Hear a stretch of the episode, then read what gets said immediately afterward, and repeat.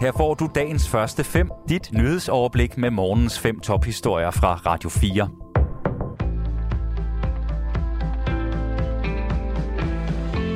Det er tirsdag den 27. september. Mit navn er Asbjørn Møller. Hvis Søren Pape Poulsen vinder valget og får magten, så er Inger Støjberg mere end velkommen i regeringen. Det siger de konservatives formand til os på Radio 4. Hvis Danmarksdemokraterne skal i regering, så tror jeg da, at, øh, at Inger Støjberg skal være minister. Det ville da være mærkeligt, hvis hun ikke, øh, hvis hun ikke skulle det. Det er ellers ikke længe siden, at formanden for Danmarksdemokraterne blev dømt ved rigsretten. I december 2021 fik hun en dom på 60 dages fængsel, der kom efter sagen om adskillelse af unge asylpar. Og i interviewet med Søren Pape Poulsen blev han også spurgt til, om Inger Støjberg kan blive minister i hans regering, når hun er dømt ved rigsretten. Det kan hun, fordi der er ingen, der er finere end andre i det danske folketing. Det er de danske vælgere, borgerne i Danmark, der beslutter, hvem Folketinget bliver sammensat af. Og det må vi respektere alle sammen. Og der har jeg det sådan, jeg tror, nu gætter jeg jo bare, jeg tror faktisk, at Inger Støjberg kunne godt gå hen og få et ret massivt rygstød af vælgerne ind i Folketinget. Og skulle vi så være sådan nogen, der sidder på vores høje hest og siger, at du er ikke fin nok. En militær mobilisering i Rusland den første siden 2. verdenskrig har ført til kaotiske dage i landet, og der er blevet begået fejl under mobiliseringen af russiske soldater fra reserven til krigen i Ukraine. Så lød det i går fra Dmitri Peskov. Han er talsmand ved det russiske præsidentkontor og tæt knyttet til præsident Vladimir Putin. Susanne Dikemar fortæller mere. Der har helt sikkert været tilfælde, hvor dekretet om mobilisering ikke er blevet overholdt. I nogle regioner er guvernøren i gang med at rette situationen, siger Peskov ifølge nyhedsbyrået AFP. Vi håber, at alle fejl vil blive rettet, siger talsmanden. Putin annoncerede sin delvise militære mobilisering onsdag i sidste uge. Ifølge forsvarsministeren betyder det, at 300.000 soldater fra de russiske reservestyrker skal sendes til Ukraine. Siden har der været flere meldinger om, at flyafgange ud af Rusland hurtigt blev udsolgt, angiveligt fordi russiske mænd frygtede at blive indkaldt til at skulle kæmpe i krigen i Ukraine.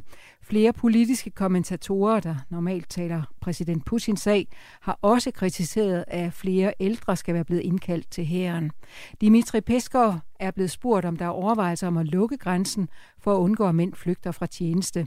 Det ved jeg ikke noget om. På nuværende tidspunkt er der ikke blevet taget nogen beslutning om det, lyder det fra talsmanden. En højstående russisk politiker, der repræsenterer den annekterede Krimhalø, har foreslået, at alle i den kampdygtige alder forbydes at rejse ud af Rusland. Det skriver nyhedsbyrået Reuters. Og vi bliver ved krigen i Ukraine. Der er nemlig fundet to massegrave mere i Ukraine. Det fortæller den ukrainske præsident Volodymyr Zelensky om gravene, der er fundet i Ishum. Gravene indeholder flere hundrede lig, skriver Reuters. Tidligere på måneden fandt de ukrainske myndigheder en stor massegrav med 436 lig. En undersøgelse har vist, at de fleste har lidt en voldsom død, og ifølge Reuters fandt man beviser på, at mindst 30 af dem var blevet tortureret.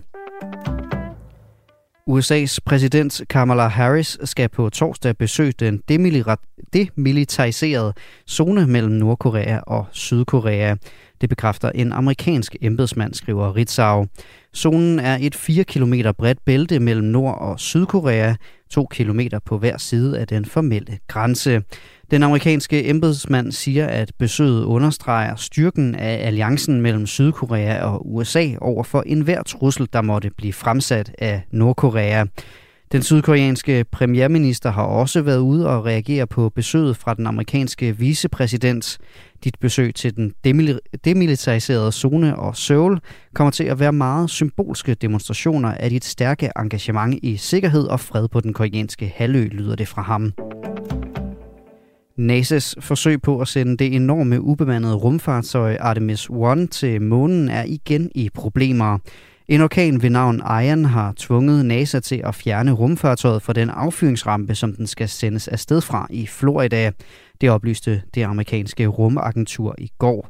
Det sker for at undgå, at den bliver ødelagt under det varslede vejr.